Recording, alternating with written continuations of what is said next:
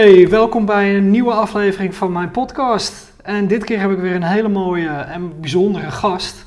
Iemand die ik eigenlijk al de hele tijd volg uh, vanwege dat hij heel erg bezig is met gezondheid en ook met spiritualiteit.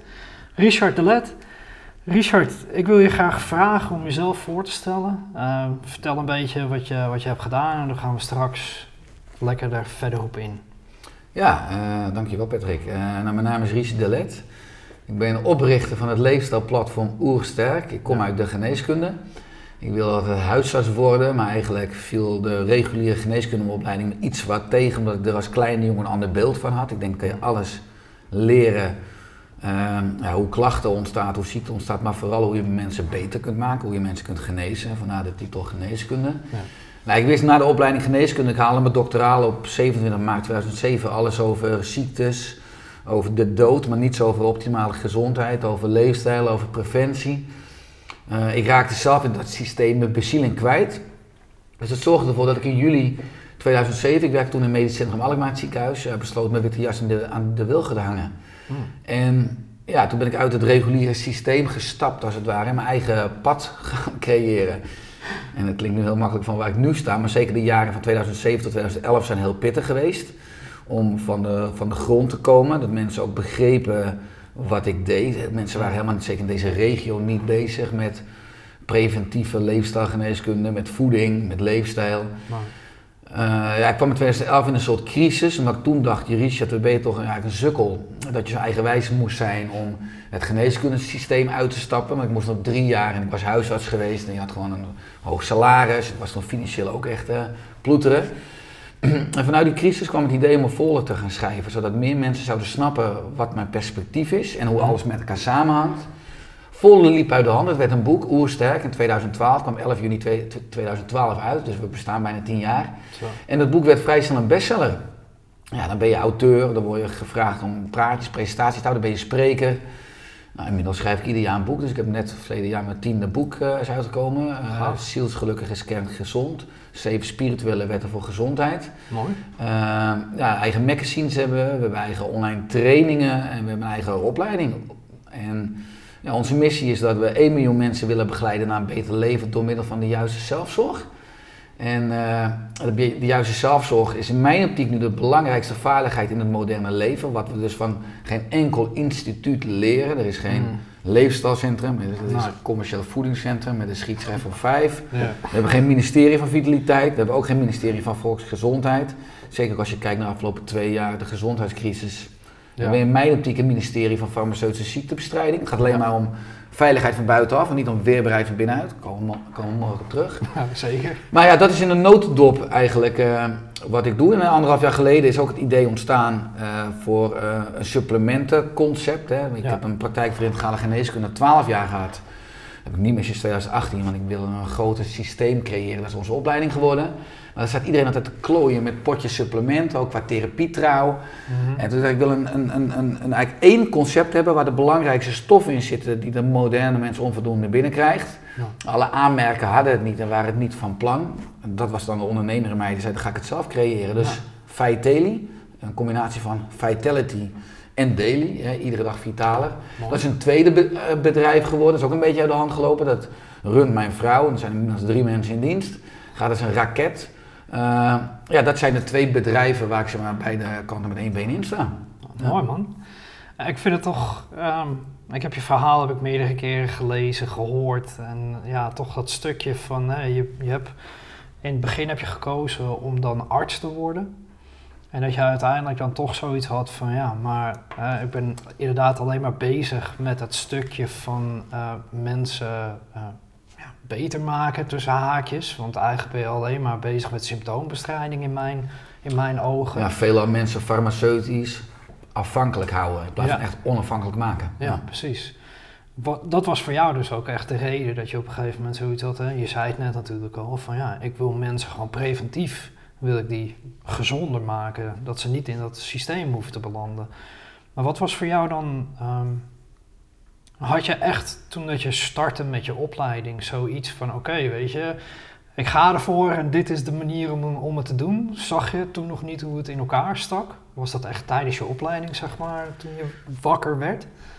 Ja, ik denk een combinatie. Wat je natuurlijk in een geneeskundeopleiding doet, alles is letterlijk in blokken. Je hebt een blok over de lever, je hebt een blok over de nieren, Ah, je hebt een, bloed over, een blok bijvoorbeeld over het bloed, Eh, je hebt een blok over, over de hersenen, over het brein, je hebt een blok over het zenuwstelsel.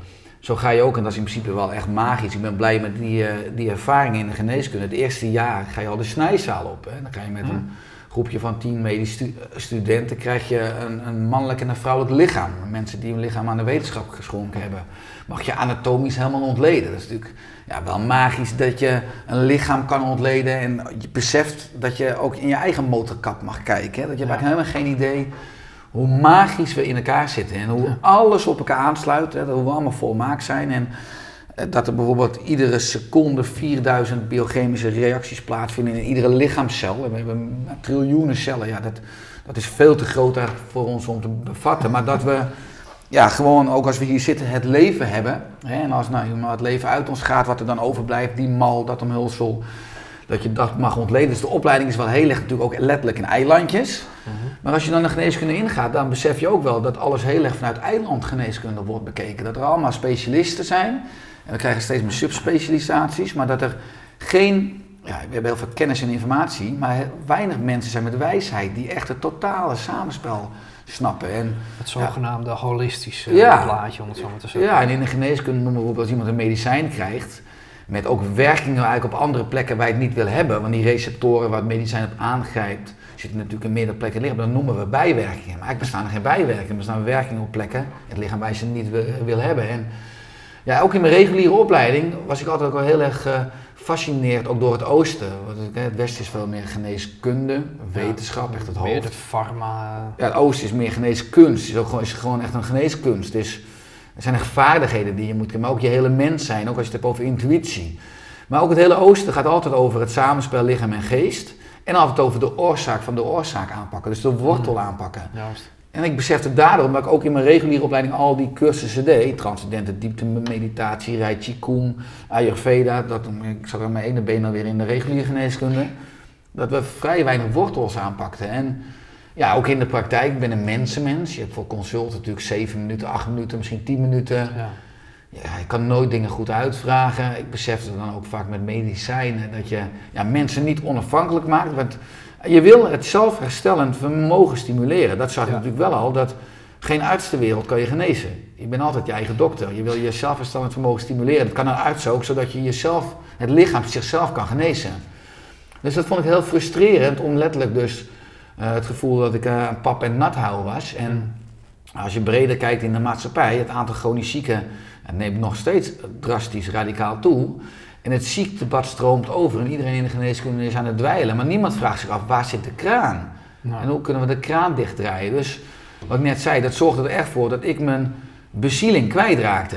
Het beeld wat ik had van als jongen wat een arts zou zijn in de praktijk, dat kwam niet, want die eilandjes werden nooit op een later punt verbonden in de opleiding. Je bleef denken, en ook je kon je specialiseren in een eiland.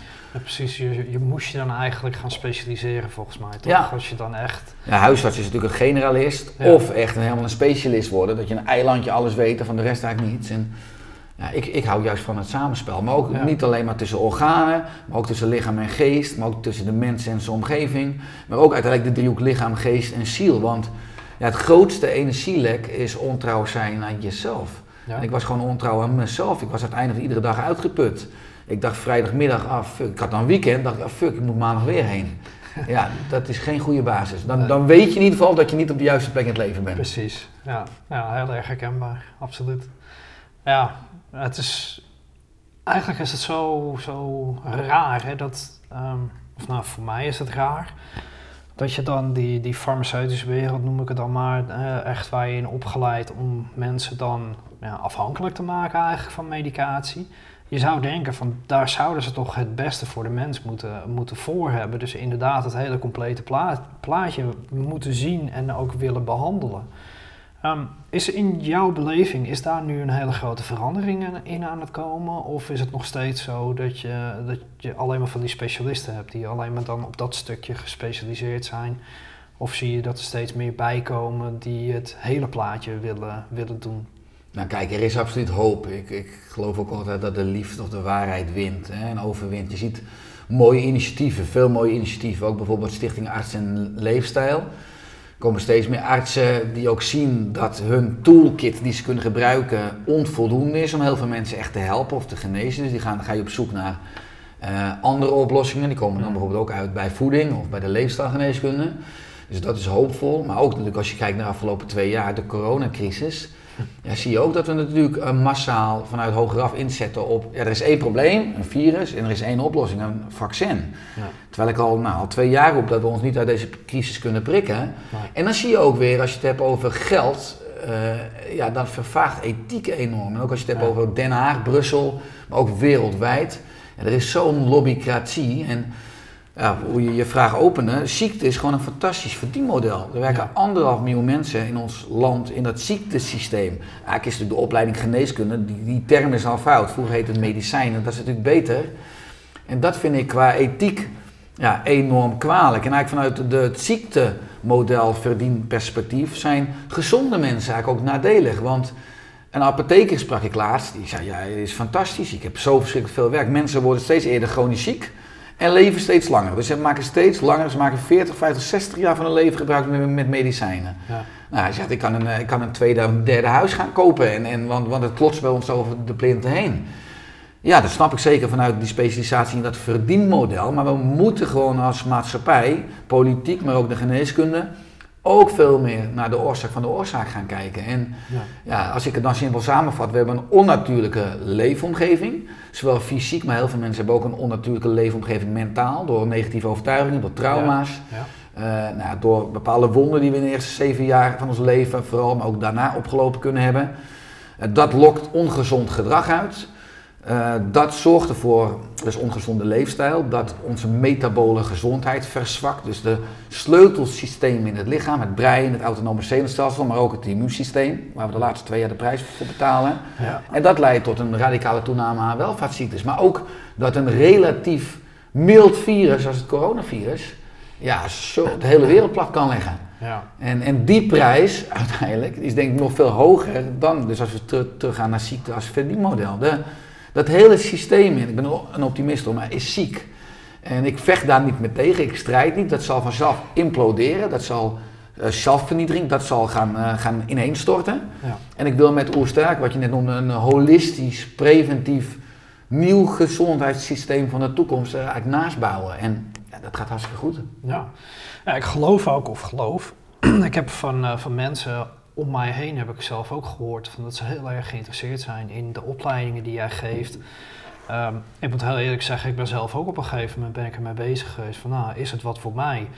Um, ik denk ook echt wel dat er een, een, bepaalde basis is die ik ook zou kunnen gebruiken in de coaching die ik geef, in de mensen die ik help. Want ja, weet je, het is inderdaad een heel plaatje. Dus als jij uh, met het mentale stuk bezig bent voor, voor de mensen, en ik ben dan ook met het energetische deel ben ik bezig met de mensen, en hoe goed zou het dan kunnen zijn dat je dan ook met suppletie, met, uh, met voeding en allemaal dat soort dingen, uh, dat je dan de mensen daar ook mee kunnen ondersteunen. Maar ja, wat ik eigenlijk wil zeggen is van, um, we hebben het zo over dat, dat platform waar je mee bezig bent. Maar volgens mij is dat gewoon ook gigantisch aan het groeien, toch?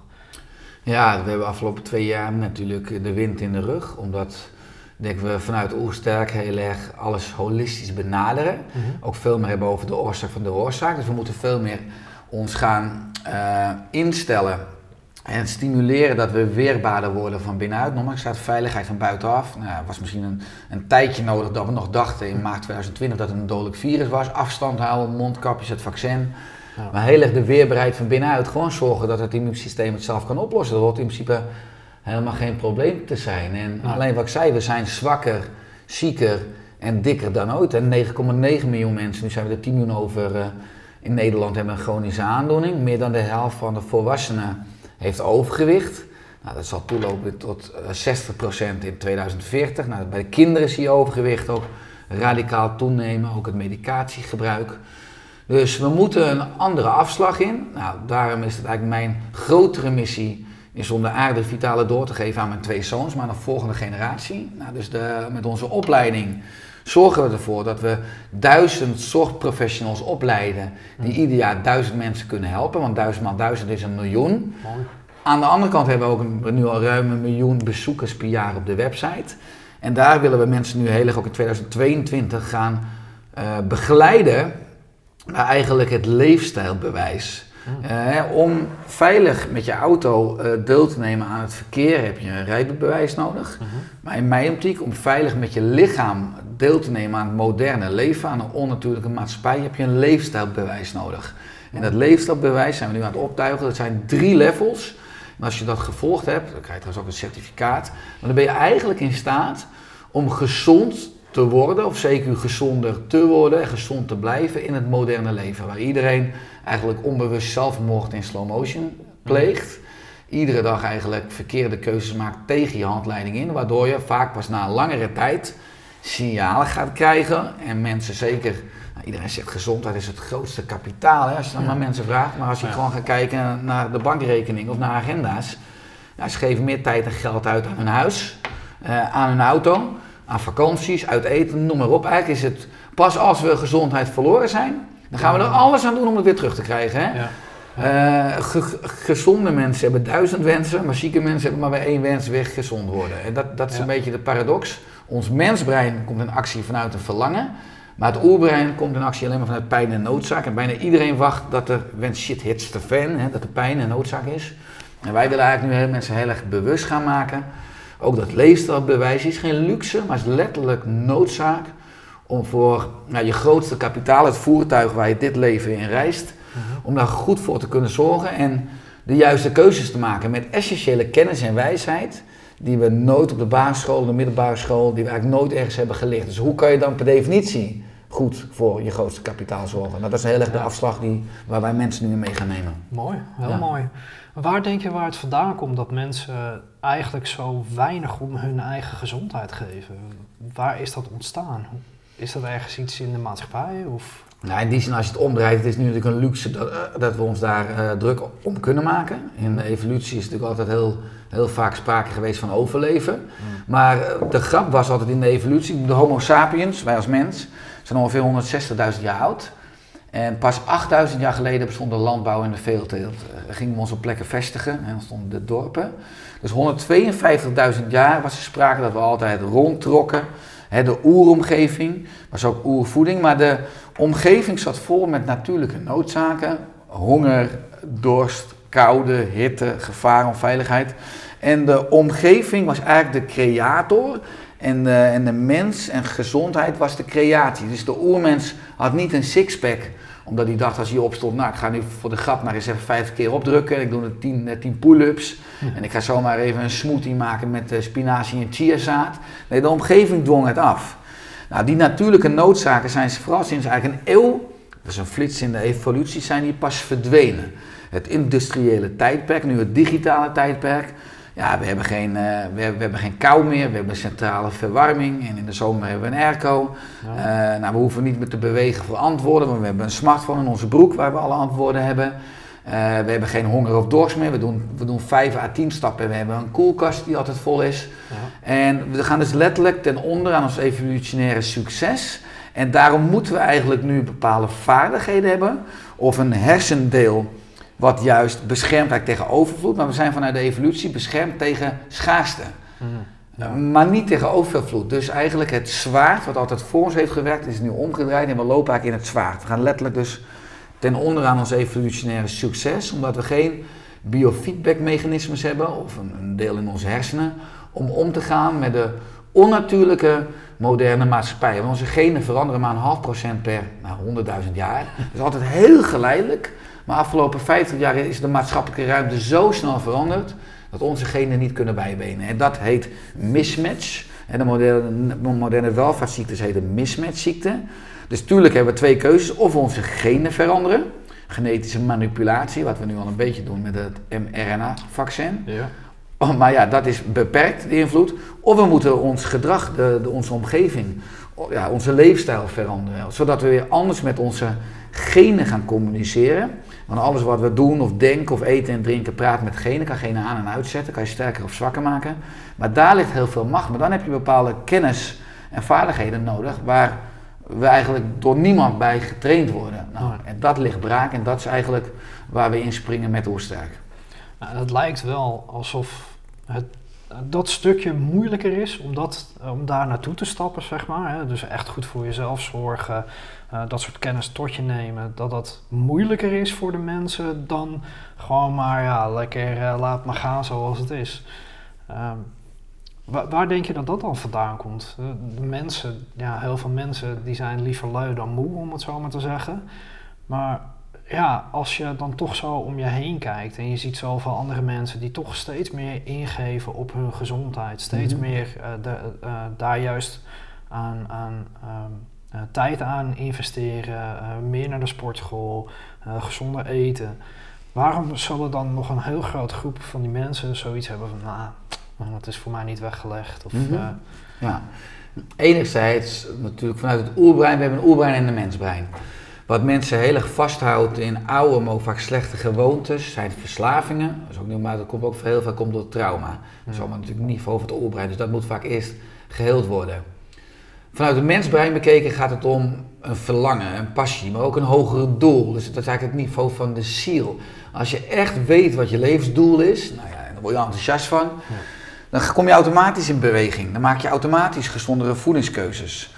Dus ik denk dat dat een belangrijk onderscheid is. Heel veel mensen die hebben geen verbinding meer met zichzelf, weten niet wat hun levensdoel is. En, nou ja, dus een gezonde leefstijl is ook een middel voor een hoger doel. Dus de juiste voeding, beweging, ontspanning zorgt voor meer energie, voor meer brandstof, maar moet wel in de juiste motor. Dus dat is zingeving. Hm, ja. En heel veel mensen weten niet uh, wie ze zijn, uh, wat hun kerntalenten, kwaliteiten zijn wat ze graag willen doen, is eigenlijk vanuit een blauwdruk. Hoe ze die leegte, we, worden allemaal, we komen op deze wereld vanuit onze ziel met een leegte, een missie. En als we die leegte vullen, dat heeft helemaal, dan hebben we, ervaren we vervulling. We willen allemaal vervulling, voldoening ervaren. Dat is heel erg op het niveau van neurotransmitters, in hersenen, is dat endorfine. Terwijl een moderne mens verslaafd is aan dopamine. We moeten iedere 10 minuten de telefoon pakken en kijken, hebben we een appje gehad op social, een snoepje, een dropje, een spelletje, seks. Continu moeten we consumeren en produceren, moeten we dingen doen om te mogen zijn. Want als we niets doen, dan voelen we eigenlijk onrust. Ja. Dus ja, terug naar je vraag. We moeten veel meer aandacht hebben maatschappelijk voor trauma's en trauma's helen. Ja. Ook het doorbreken van verslavingen, dus het veranderen van de leefomgeving, dat de leefomgeving de gezonde keuze uitlokt. In plaats van bijvoorbeeld bewerkte koolhydraten die je op treinst treinstations gaat aangeboden. Als je bij de supermarkt, bij de kassa, in sportkantines, ja. uh, in pretparken. Dat zijn allemaal frisdranken, vruchtensappen nou, en bewerkte koolhydraten, wat eigenlijk helemaal niet goed bij ons ontwerp past. En nog het belangrijkste, gewoon uiteindelijk ook uitvinden. Wat is nou je levensdoel? Of wat is je doel vandaag? Wat is je doel deze week, deze maand? Ja. Want dan word je intrinsiek aangedreven of aangetrokken, waardoor uh, de juiste keuzes ook veel makkelijker zijn. In plaats van dat je vanuit je oerbrein dingen op motivatie en wilskracht moet doen. Dat is allemaal uitputbaar. Ja, inderdaad. Nou, ja, ik, zelf ben ik dan ook bezig inderdaad om mensen te stimuleren om juist hun, hun, hun missie te vinden, hun doel te vinden.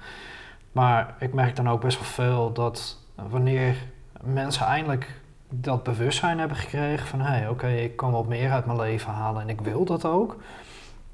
En dat ze dan voorzichtig gaan die stapjes beginnen te zetten en het begint langzaamaan begint het een beetje te rollen. Dat toch hun omgeving, uh, die daar dan heel anders in staan, toch nog best wel negatief zijn. En die dan heel vaak ook zeggen van ah joh, doe het niet zo moeilijk en uh, wat maakt het nou allemaal uit. Merk jij dat ook veel bij mensen die, die bij jou komen, zeg maar? Of die, die echt zoiets Ja. hebben van, nou, eindelijk wil ik die stap zetten, Ja. maar... Ja, ik merk het ook aan mijn eigen leven. Als ik kijk naar mijn eigen vriendengroep, is radicaal veranderd dan vijf en tien jaar geleden. Je moet vaak ook loskomen Ja. van bepaalde parasieten, no- noem ik dat. Hè? Mensen die je Ja. eh, nog in je oude cel willen houden, of mensen die jouw energie nodig hebben en dus van je parasiteren.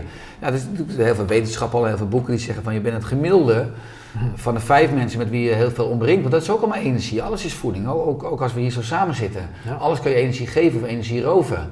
En het is ook mooi als je gaat kijken dat ja, de vijf mensen met wie je meest omringt, eetgewoontes komen overeen, mindset komt overeen. Dus als je het al hebt over een groeimindset of over dus een fixed mindset, Ja. gefixeerde mensen die vast ook zitten in een verslaving of vaak in een trauma of een oude gewoontes, die willen niet veranderen. Als jij verandert, moeten ze mee veranderen, want het be- beïnvloedt het hele systeem. Ja. Eh, ja, dus dat is al heel interessant. Eh, dat je, dat je ja, alles is systeembiologie. Hè? Dus als jij verandert, je bent verbonden met alles, dus mensen moeten mee veranderen. Ja. Want anders groei je, maar je groeit dan wel uit elkaar. Wat ook dan prima is, om een bepaald punt dat af te sluiten en te danken voor de tijd die je samen eh, afgelegd hebt, maar dan gewoon weer alle twee je eigen pad te gaan. Maar dat merk ik zeker. Ik merk zeker ook, eh, ook in mijn praktijk verenigde geneeskunde. Ik merk ook zeker, eh, vaak zijn vrouwen ook wat proactief. Ik heb heel veel vrouwen gehad in mijn praktijk. Ja, die wou, we moesten bijvoorbeeld dingen aanpassen in het voedingspatroon. Ja, die komen dan thuis en hebben dan een stugge, starre kerel die, die zegt, ja schat, Prima. ja, prima als jij anders gaat eten, maar dan kook je maar twee potjes. Want ik wil gewoon mijn groente, mijn aardappeltje en mijn bolletje gehakt. Ja, dat betekent wel dat, dat zo'n vrouw twee maaltijden moet gaan koken. Hoe lekker Ja. zou het zijn als die partner ook zegt...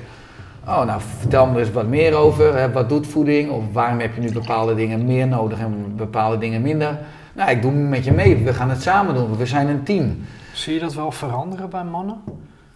Zie je wel Nou, dat er steeds meer mannen naar jou toe komen, bijvoorbeeld, Ja, of je opleidingen zeker. Nee, volgen? ik, ik ben uiteindelijk natuurlijk heel erg een, een spirituele kwiebus. Maar ook als je gaat kijken naar tijdsgeest. We gaan naar het Aquarius-tijdperk. Hè, de, de, de trilling Ja. neemt een en om toe. Dus het, je ziet daarmee gewoon praktisch dat mannen ook steeds meer bewustzijn krijgen. Of ook steeds meer zichzelf gaan openstellen.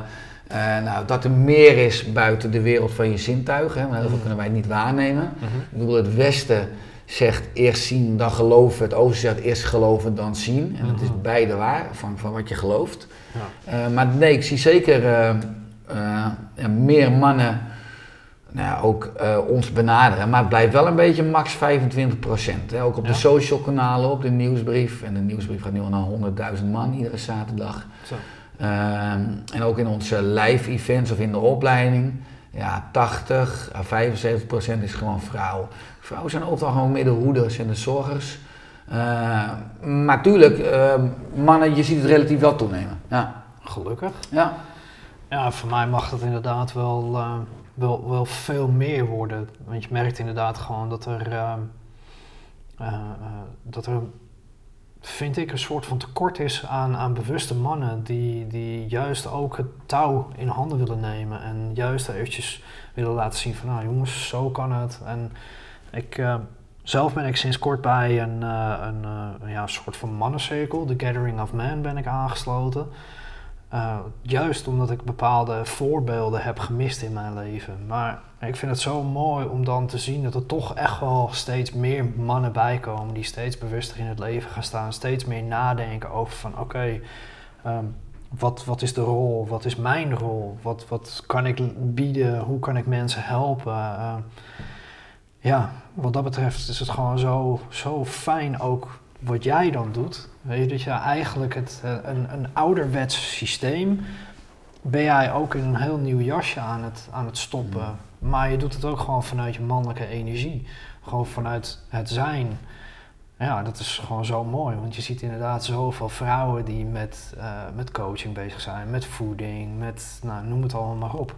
Maar hoeveel mannen zijn er nou echt mee bezig met dit onderwerp? Ik bedoel, ja, Ralf Moorman die is natuurlijk ook al bezig met, uh, met hormonen en dat soort dingen. Jesse van der Velde. Jesse ja. van der Velde. Giel Belen natuurlijk ook heel... Uh, ja. ja. Maar dat, Robert Bridgman, maar je hebt natuurlijk wel, ja. Ja, ja. Dat, zijn, dat zijn dan wel mannen die natuurlijk wel met spiritualiteit Julian Calavasi, ja, inderdaad, ja, klopt. Maar zoals met jou, jouw vak, uh, jij, jij hebt dan geneeskunde gehad en je bent dan gewoon helemaal bezig met het hele plaatje, zeg Mhm. mm -hmm. maar.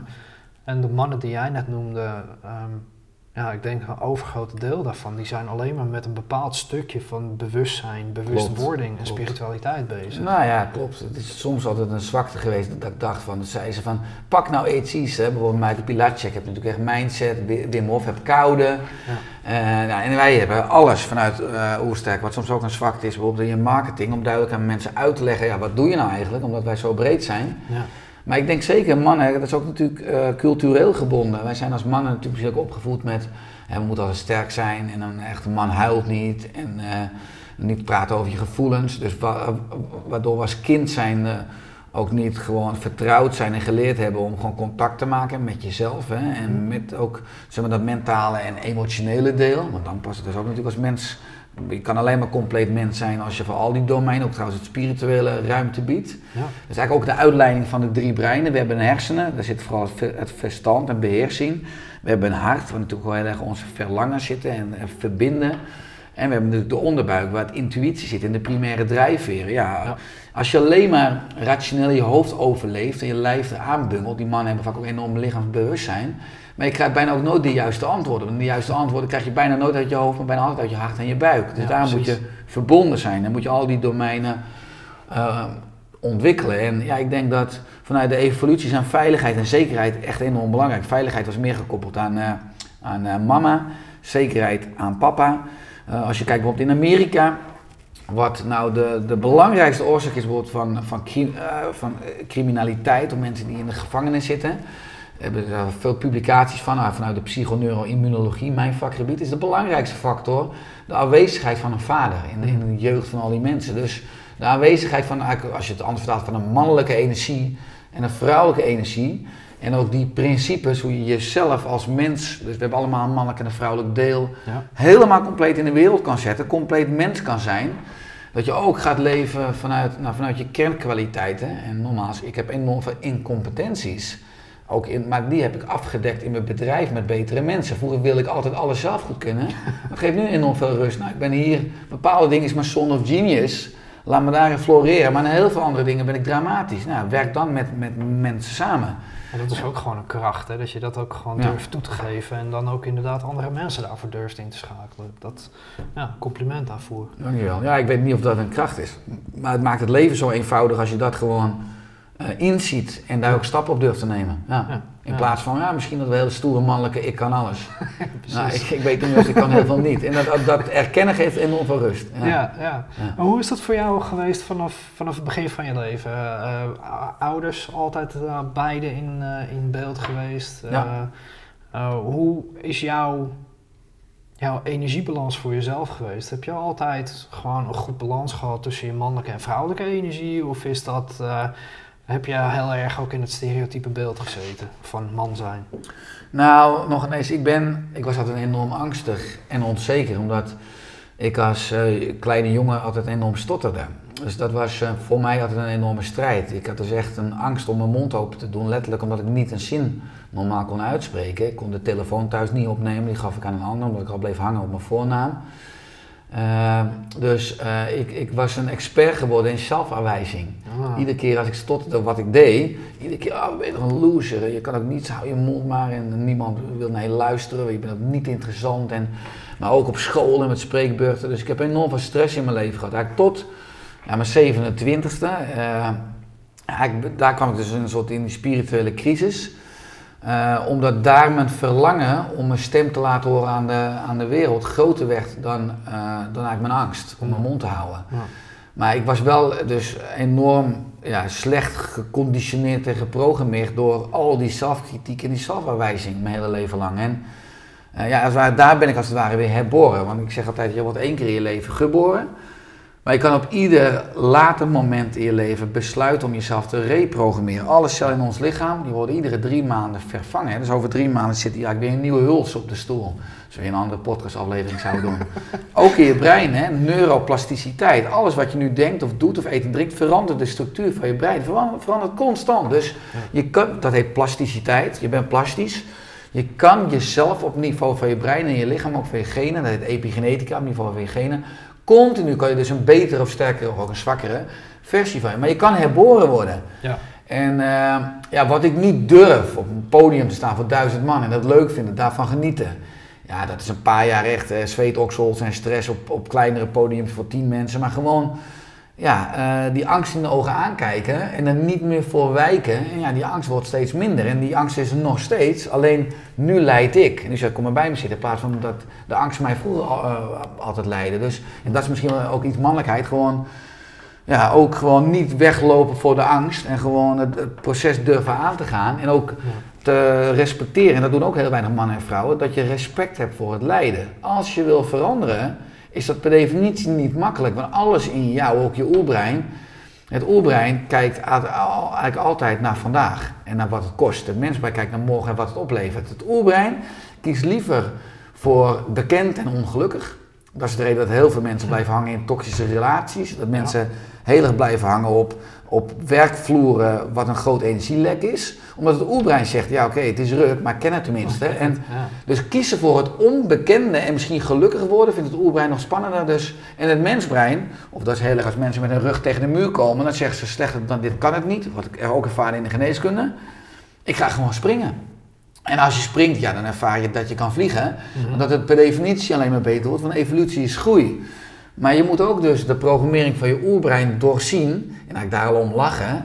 Want het oerbrein is gewoon altijd bang en die wil helemaal niet ver- ver- veranderen. Maar als je wil groeien, ja, dan moet je continu je comfortzone blijven oprekken. En Ja. dat is inmiddels voor mij een beetje een levensfilosofie geworden. Ik ben, in 2013 ben ik 11 dagen met een groep, een onderzoek, 11 dagen als oermens in de Pyreneeën gaan leven. Oh, één dag, en dag 11 bloed prikken, dat is een wetenschappelijk onderzoek geworden. Waar je zelf moet jagen, daar, daar slacht ik mijn eerste kip en mijn eerste eh fazant. En eh, mijn eerste eh, rabbit. En ik ben in 2016 met Wim Hof in korte broek, met schoenen in blote bast de Kilimanjaro opgelopen in Afrika en Tanzania. Met Tony Robbins in 2017 ben ik over hete kolen heen gelopen. Ja, de, de oude Richard zou zeggen, ja, ben je wel goed bij je hoofd, weet je wel, doe even normaal, weet je wel, dat is allemaal. Maar ja, het mooie is aan die ervaringen, dat het uiteindelijk allemaal spiegels zijn eh, en je altijd weer geconfronteerd wordt met bepaalde angsten en onzekerheden. En als je, dat, als je die tegenkomt, ja, dan heb je weer eh, mogelijkheid om dat aan te pakken en weer te groeien als mens. Dus Ja. ja, dat is een levenslang proces, een levenslange proces in, in uitvoering. En ja, ik, ik, ik geniet juist enorm van die, van die zoektocht, van die ontdekkingsreis. En steeds meer die, die lagen, maar uiteindelijk ook steeds die oude lagen van, van angst en onzekerheid die ik ook nog steeds heb. Maar dat steeds meer ook heel en in, en in balans brengen. Waardoor je in mijn optiek, dat is dan bij je gouden Boeddha uitkomt. Hè. Ieder, ieder mens heeft in zijn kern gewoon een gouden Boeddha. Mhm. In, in, in de kern zijn we, zijn we gewoon verlicht, maar door de opvoeding of door de maatschappij of door het systeem zijn er allemaal lagen klei overheen gebouwd die jij in essentie niet bent, die afleidt, maar die moet je vaak weer allemaal doorbreken, afpellen om weer bij je gouden boeddha uit te komen. hè. Ja, de zogenaamde conditioneringen, zeg Ja, maar. ja. Ja. Hoe, ehm, eh, je vertelde net over, eh, over de ervaringen die je hebt gehad, over vuurlopen, eh, in je korte broek de Kil- Kilimanjaro opgelopen. Ehm, ik heb zelf heb ik ook aardig wat dingen mogen, mogen beleven. Ook in 2018 over het vuur mogen lopen bij Tony Robbins. Eh, ik ben er niet met Wim eh, de Kilimanjaro op geweest. Ik ben helemaal nog niet de Kilimanjaro op geweest. Maar ben, wanneer was het nou? 2020 ben ik met een officiële trainer van Wim Hof ben ik in Polen een skipiste opgelopen. Ook in mijn korte broek. Maar ja, als ik dan naar mezelf kijk, ik heb heel veel van dat soort dingen gedaan. Ik ben militair geweest, ik ben uit, op uitzending geweest drie keer, ben uit een vliegtuig gesprongen, nou, allemaal dat soort dingen, weet je wel. Het heeft inderdaad bijgedragen dan aan, ehm, aan het zien dat ik dingen aan kan. Maar in mij was toch nog een bepaalde overtuiging van, nou, maar ik ben toch nog steeds niet goed genoeg. Mhm. Heb jij ook zoiets ervaren in je leven? Of heb jij gewoon op een gegeven moment echt die, die stimulans kunnen zien of vinden? Dat je zoiets had van, ja, fuck die overtuiging. Ik ga er gewoon dwars doorheen en ik ben wel goed genoeg. Ja, ik had laatst natuurlijk een, eh, een podcast. We hebben ook nog onze eigen Oerstak podcast. Dat ik eh, afgelopen jaar een gesprek met Sander Aarts. Dat is Ah, ja. ook eh, ex-Special Forces. eh, van de auteur van het boek Niet te breken. En vond ik ook mooi dat wat hij had, ook al had over Special Forces en militairen. Dat, dat die fysiek en mentaal enorm sterk zijn. En dat moet je hebben om te overleven. Maar juist ook emotioneel en spiritueel enorm zwak zijn. Of dat, want als je dat eigenlijk enorm ontwikkeld hebt, dan hou je het niet vol als Special Forces en militair. Dus, en daar kom je meestal later in je leven achter dat je eh, ja, continu onrust ervaart. Omdat uiteindelijk dat emotionele en het spirituele domein in je leven dus om, om heling, om aandacht vragen. Ja. Ik denk ook, ik ben ook een, een groot deel van mijn leven bezig geweest. Kijk, vanuit het stotteren had ik natuurlijk ook dat heel veel mensen de, de overtuiging hebben van ik ben niet goed genoeg. Dat heb ik vertaald met ik weet niet genoeg. Dus mijn gedrag was heel erg heel veel boeken lezen, heel veel opleidingen doen. En daar hebben ook geen windeieren gelegd, want ik heb belachelijk veel opleidingen gedaan. Ik heb meer dan duizend boeken in mijn boekenkast staan. En mensen zeiden altijd al, dat zo, hoe is die 27, mooi, maar we hebben zoveel titels en zoveel opleidingen, mooi. Maar ik deed altijd parallele opleidingen. Maar dat was niet per se vanuit een verlangen, maar veel meer vanuit een soort bewijsdrang, een negatieve overtuiging. Dat ik de wereld wil laten zien van kijk, ik mag er wel zijn, ik ben wel goed genoeg. Ja. Maar ja, dan kan je bezig blijven, want nogmaals, die externe validatie die krijg je nooit, dan komt altijd vanuit jezelf. Dus Ja. op een gegeven moment doorzag ik dat. Ja, en dan word je gedwongen om vanuit dat fysieke of dat mentale, veel meer, dat is dat emotionele, dat spirituele of dat energetische deel op te gaan. Veel meer dus dat, dat zachtere deel, dat subtielere deel op te gaan. Ja, precies. Want- en en eh, ja, eh, dat, dat maak je dan ook weer compleet. Dus ja, mijn levenspad is ook ja, de eerste 27 jaar vooral van heel erg in mijn hoofd overleven. Heel veel zelfverwijzing, angst, onzekerheid. Ook mijn geneeskundeopleiding heb ik echt weinig plezier ervaren. Want ik had altijd stress voor. Ja, we hadden heel veel werkgroepjes, maar dan moet je ook dingen voorlezen. Dat vond ik een ramp, want ik stotterde enorm. Eh, maar pas daarna, eh, ook naar mijn geneeskundeopleiding, heb ik echt het plezier weer hervonden. Maar ook vooral omdat ik mezelf letterlijk helemaal herbouwd heb. Weer gereprogrammeerd. heb. Maar ook heel veel dingen van vroeger. Eh, ook verkeerde kindconclusies of bepaalde traumatische inslagen. Eh, of ik nou ben ook in een, in een tipi geweest eh, met, of zo'n zweethut. Ja, dat, dan kom je jezelf ook tegen. Maar ook. Wim Hof zei ook van, ja, als je die berg op, oploopt, ja, die berg is een spiegel. Je komt jezelf, je komt je angsten tegen. En ik denk, wat is hij nou aan het lullen? Maar als je op een gegeven moment die Kilimanjaro oploopt en je hebt 50% zuurstofspanning, dan red je het eigenlijk alleen maar als je rust in je mind hebt. Want alle zuurstof is nodig voor, voor je spieren. Maar als je onrust hebt in je kop of je bent bang of, of je hebt angsten, ja, die komen dan echt boven. Dus, en die kwamen bij mij ook weer boven. Dat maakt het extra zwaar. Hmm. Maar dan weet je wel, hey, frek, dit speelt, hey, dit, dit speelt ook. Dit, dit mag ik ook nog aangaan. Dus eh, ja, soms is het beetje een, een, weegschaal. Enerzijds denk je soms van, oh, dat dat klaar was. De- En, men meldt weer iets, hè, ben ik nou, nou nooit klaar. Ja. Aan de andere kant, ook fijn dat ik het weet, kan ik er iets aan doen. Eh, maar bijna iedereen die succesvol is, of ik heb wel een boek geschreven, heb, echt, die heeft over het algemeen een hele instabiele jeugd. Maar dat is juist ook, eh, achteraf is dat, ben ik er heel blij met mijn basis aan onrust. Omdat het een belangrijke brandstof is geworden op de plek waar ik moest komen. Ja. En als mijn hele jeugdbasis in balans geweest was, had ik helemaal geen noodschakel prikkel gehad om mezelf te ontwikkelen op allerlei gebieden. Dus ik ben enorm dankbaar dat ik zo verschrikkelijk veel onbalansen in mijn leven, in mijn jeugd heb gehad. Omdat het allemaal klopt eh, tot, eh, om te worden wie ik in essentie moest zijn, maar ook ben. Nou, mooi. Ja. Mooi dat je dat ook inziet. Ik zie dat zelf ook absoluut zo in. Voor mij is dat ook eh, alles wat ik heb mee mogen maken, dat heeft je gemaakt tot wie je nu bent. En daar mag je onwijs trots op zijn. Ook al zijn het soms momenten dat je echt zoiets hebt van wow, the fuck. Ja, ja. Weet je, je bent er nog steeds. En het heeft jou, ja, voor jou heeft het zeker geen windeieren eh, gelegd. Maar heb je dat allemaal zelf gedaan? Heb je zelf eh, die bewustzijn gekregen? Of waren er momenten dat je, dat je toch zoiets had van, oh shit, ik kan hier niet alleen doorheen? Of het gevoel hebbende van, ehm, hoe dan? En dat iemand anders je dan een handreiking deed van, ah, kom maar Richard. Nou, ik ben bijna mijn hele leven al in therapie. En dat is gewoon omdat, omdat ik het ook leuk vind en maar ook goed vind. Ik heb zelf een heel preventief team, dus een osteopaat bijvoorbeeld. Of ik, ook, ik heb ook iemand bij wie ik één keer per jaar dan echt bloedprik, zo'n APK'tje doe. En dan Ja. even naar bloedwaarde en naar voeding kijken. Maar zeker ook psychologen ben ik vroeger heel erg geweest, maar bijvoorbeeld veel meer vanuit eh, de rationele, emotionele therapie. Mm. Maar ook ik ben bij allerlei energetische healers geweest, bij mediums. eh, van yoga tot transcendente dieptemeditatie. Tot ik ben vanuit Oersterk heb ik een week georganiseerd in Frankrijk. Eh, en dan huurde ik ook docenten in, die, nou, van meditatie tot yoga, dat je natuurlijk ook dan zelf deelneemt. En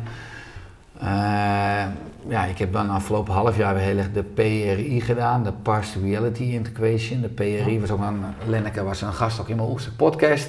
Dus ik heb heel vaak dat ik podcastgasten heb en dat ze vertellen vanuit hun, eh, hun expertise en dat ik voel van hé hey, verrek, dit gaat ook over mij. Dit is, hier zit in mij ook nog een onbalans. Nou, en dan ga ik daar ook meer mee aan het werk. Of Robert Bridgman, ook een goede vriend. Of Giel Belen, die natuurlijk ook heel erg heel veel tools aanreiken. Dat ik bijvoorbeeld nu heb ik bij eh, van Giel Belen en Ro- Robert Bridgman weer. eh, die hadden dan vierdelige trauma talks met een, eh, met een, eh, een aanbieding, een, eh, een online cursus. Dat heb ik dan weer gekocht gisteren bijvoorbeeld. Dan ga ik dat aankomende maand weer doen.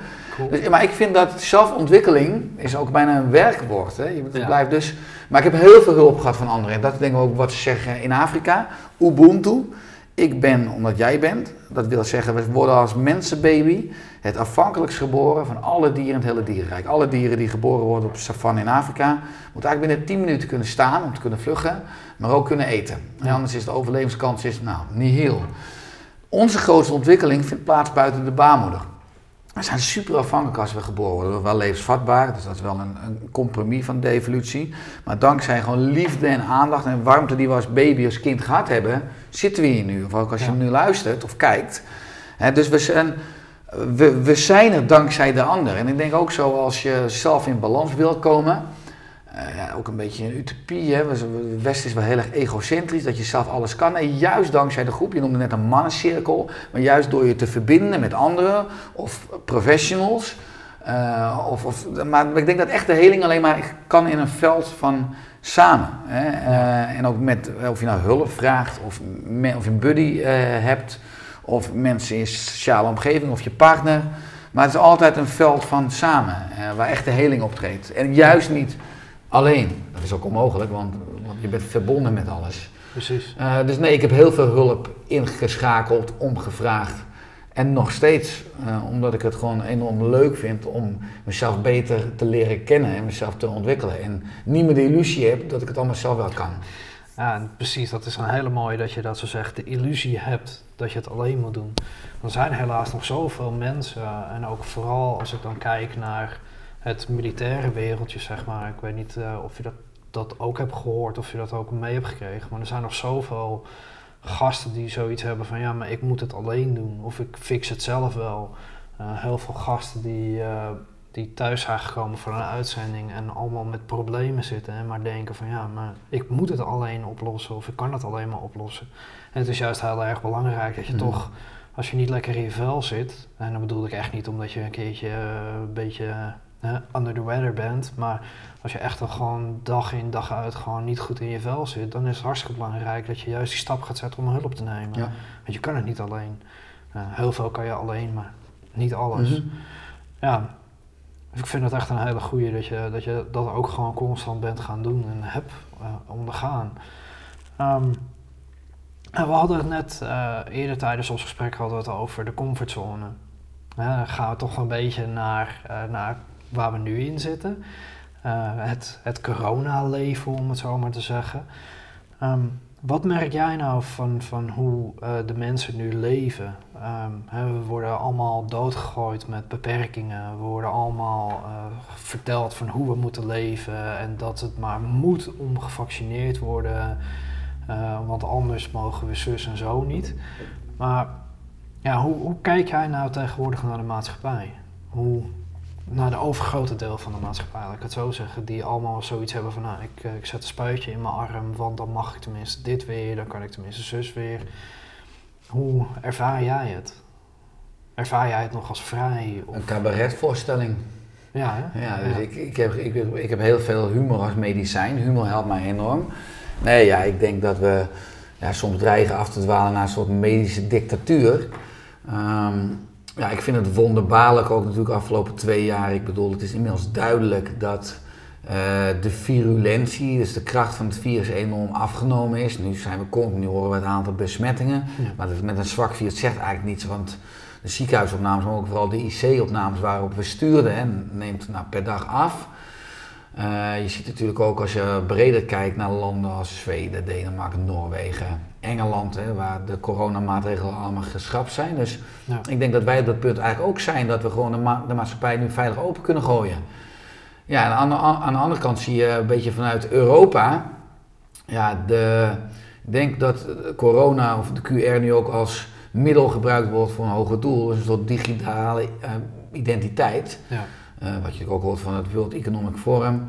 Uh, Klaus Schwab. Maar uh, ja, dat vind ik enorm, enorm zorgelijk. Ik vind het ook onethisch. Ik vind het sowieso eigenlijk nu onethisch dat mensen bijvoorbeeld de booster moeten halen om een groene vinkje te behouden. Hè? Een soort, een soort koehandel. Maar ja, in mijn optiek wil je met mRNA-technologie wil je niet experimenteren. Dat wil zeggen, het vaccin, wat ik altijd al benoemd heb, is misschien een zegen voor ja, heel erg zieke mensen, gewoon zieke mensen en oudere mensen. Mhm. En dat het voordeel opweegt ten opzichte van de nadelen op de lange termijn. Dat weten we nog allemaal niet. Het gaat de aankomende jaren helder worden. En ook 2009 met de Mexicaanse griepvaccins kwamen we ook pas later achter bepaalde negatieve bijwerkingen.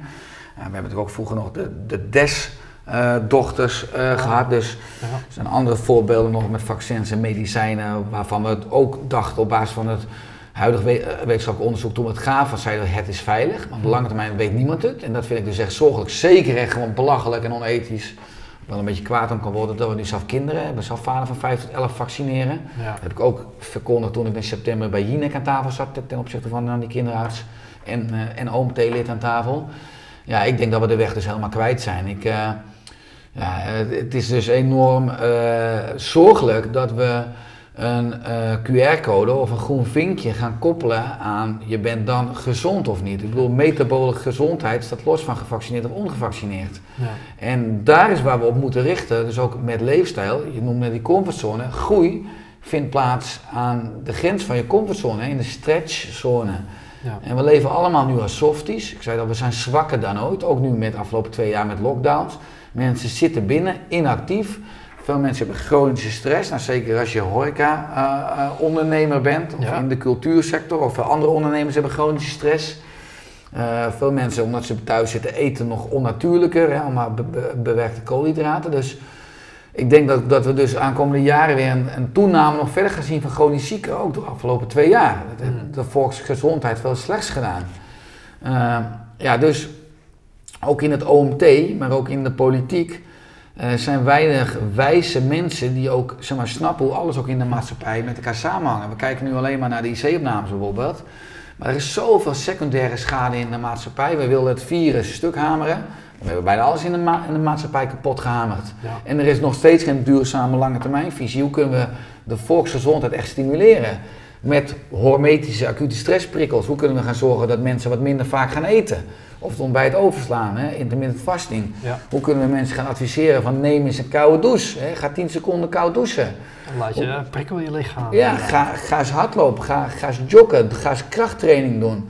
Ga eens meer slapen. Ga je levensdoel eens opzoeken. Ga je sociaal verbinden met de juiste groep. Dat zijn allemaal nou, eigenlijk echte evolutionaire medicijnen. Maar aan de natuur is niet te patenteren. Hè. De, natuur, de natuur zit geen verdienmodel op. En Ja. ja, dan komen we weer uit bij ziekte en farmacie en lobbycratie en politiek.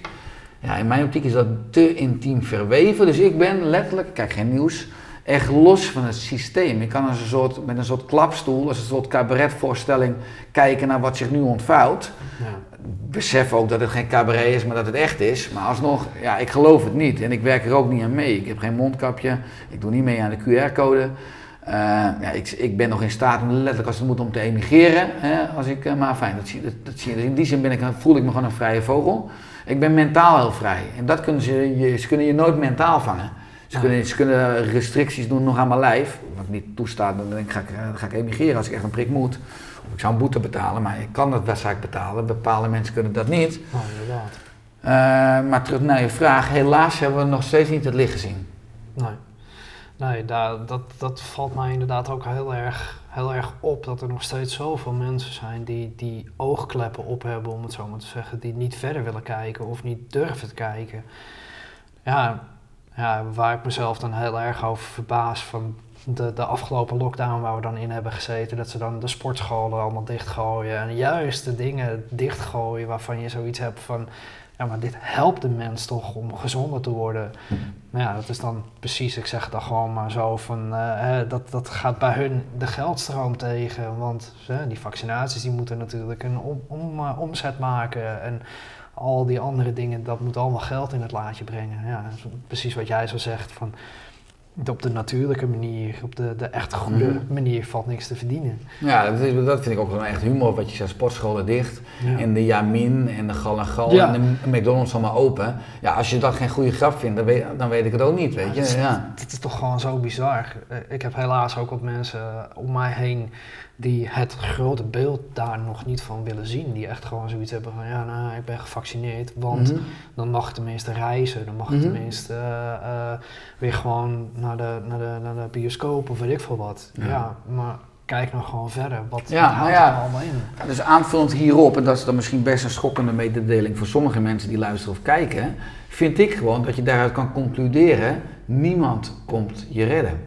Ja. Je bent zelf verantwoordelijk voor je eigen gezondheid. Precies. Vanuit de officiële instanties, die hebben echt geen belang of visie om ervoor te zorgen of jou te begeleiden. Dat je lang gelukkig en gezond oud wordt. Dat is helemaal niet, het is gewoon, het gaat om, het gaat om, het gaat om euro's, het gaat om macht, het gaat om, om controle. Dus je komt, wordt altijd teruggeworpen op jezelf. En dat vinden de meeste mensen heel eng. De meeste mensen willen leiding hebben, die willen volgen, die willen helemaal niet. Nou, dat zie je ook met angst. Hè. Dan zie je dus, dat, er gaat groepsvorming, je gaat, wat nu ook speelt, je gaat nog steeds massavorming, massahypnose, je gaat polarisatie. Ja. Nou, dat is vanuit angst. De angst zorgt ervoor dat al het bloed naar het oerbrein gaat, weg van eh, de frontale cortex, van het mens. Bij mensen kunnen ook niet meer logisch nadenken. Nog steeds zien mensen niet als je verlicht zou zijn, dan zou je gewoon echt ook heel, veel, heel hard lachen om alles wat er gebeurt. En ook van dat, dat ze uitspreken dat ze het beste met ons voor hebben en volksgezondheid. Ja, Amahula, dat kunnen we denk ik nu inmiddels wel aantoonbaar aantonen dat er ook afgelopen twee jaar niets gebeurd is om de, gezond, de volksgezondheid echt te verbeteren. Dat is een beetje het terrein waar ik me op bevind. Ja. Uh, ik, ik word af en toe wel landelijk in de media, maar uiteindelijk mijn bereik is dan nog een druppel op een gloeiende plaat. Uh, maar je, uiteindelijk, niemand komt je redden. Nee, maar ze, ze zijn er juist mee bezig om je alleen maar afhankelijker te maken. Afhankelijker van het systeem, afhankelijker van de middelen die zij jou aanbieden. Want ja, dan ben je tenminste een makkelijke, ja, sorry dat ik het zeg, maar volgeling. Mm ja, dat vinden ze alleen maar interessant. Want ze willen niet zelfdenkende mensen hebben. Ze willen niet zelfgenezende mensen hebben. Want ja, er valt niks meer aan te vinden. Het wordt één grijze massa. Dus alle, alle afwijkingen en alle kleuren worden eigenlijk teruggebracht tot één kleur. Ja, ja en ik ben mijn hele leven gelukkig al allergisch voor norm. Ik zeg altijd, als je de kudde volgt, dan loop je in de stront van anderen. Dus ik ga altijd op mijn eigen weg. Maar ik wil zeker ook iedereen oproepen die luistert of kijkt om ook gewoon je eigen weg te gaan. Op basis van allereerst je ziel. Wat is mijn passie? Wat is mijn levensdoel? Waar krijg ik energie van? Wat wil ik aan het grotere geheel toevoegen met mijn kwaliteiten en talenten? En dan ook gewoon een leefstijlplan te maken. Hè, vanuit gewoon iedere dag nou, de dingen die je doet, hè, die je eet en drinkt. Eigenlijk waar we vanuit Oersterk je ook bij kunnen begeleiden. Maar om ervoor te zorgen dat, dat je meer energie krijgt in je lijf meer rust in je hoofd en daarmee gewoon veel meer voldoening en vervulling in je leven als je dan dus aansluit op dat eerste stuk, op je, op je levensdoel. En eigenlijk is het leven heel erg eenvoudig, alleen we hebben het heel erg complex gemaakt en we hebben geen instituut uh, gecreëerd die je ook begeleidt bij eigenlijk antwoorden op die cruciale levensvragen. Ja, eigenlijk is dat gewoon nog steeds zo bizar inderdaad, om dat, om dat dan toch nog eventjes aan te merken van twee jaar lang zijn ze inderdaad bezig van ja, maar dit moet, zus moet. En inderdaad gewoon helemaal niks om je gezondheid te stimuleren, niks om de zorg uh, te, te, te, te, versterken, te verbeteren. Nee, juist. Ik neem dan eventjes jouw, uh, jouw zogenaamde shadowban op Instagram. Nemen we dan maar eventjes, terwijl jij zo bezig bent met gezondheid, met een gezonde levensstijl in, in het hele plaatje. En je wordt er gewoon voor gestraft eigenlijk, mhm. omdat je uh, dat soort dingen, wat eigenlijk goed is voor een mens, dat wordt door het systeem wordt het juist afgekeurd. Ja, ik heb inmiddels al ge geaccepteerd als pionier dat ik vijf tot tien jaar voorloop. Hè? Dus ja. mijn hele leven al. Ik was in september bij Jinek aan tafel. En uh, de maand erop was ik uh, kwakzalver van de maand op de uh, zijde van de Vereniging tegen de Kwakzalverij. Wat ook een eretitel is. Hè? Want blijkbaar ben ik nu groot genoeg dat ze op mij gaan schieten. Dus dat zie ik ook als een compliment. Ik reframe alles, hè, dat is gewoon dat is perceptie. Dat wat je kan doen. Maar ook op, uh, ja, op social media, wat je zegt. Ik heb al ruim een half jaar zoals Shadow ben. En ik weet ook niet wanneer die eraf gaat. Terwijl ja, ik verspreid het gezondheidsvirus. Hè, dus, uh, ja.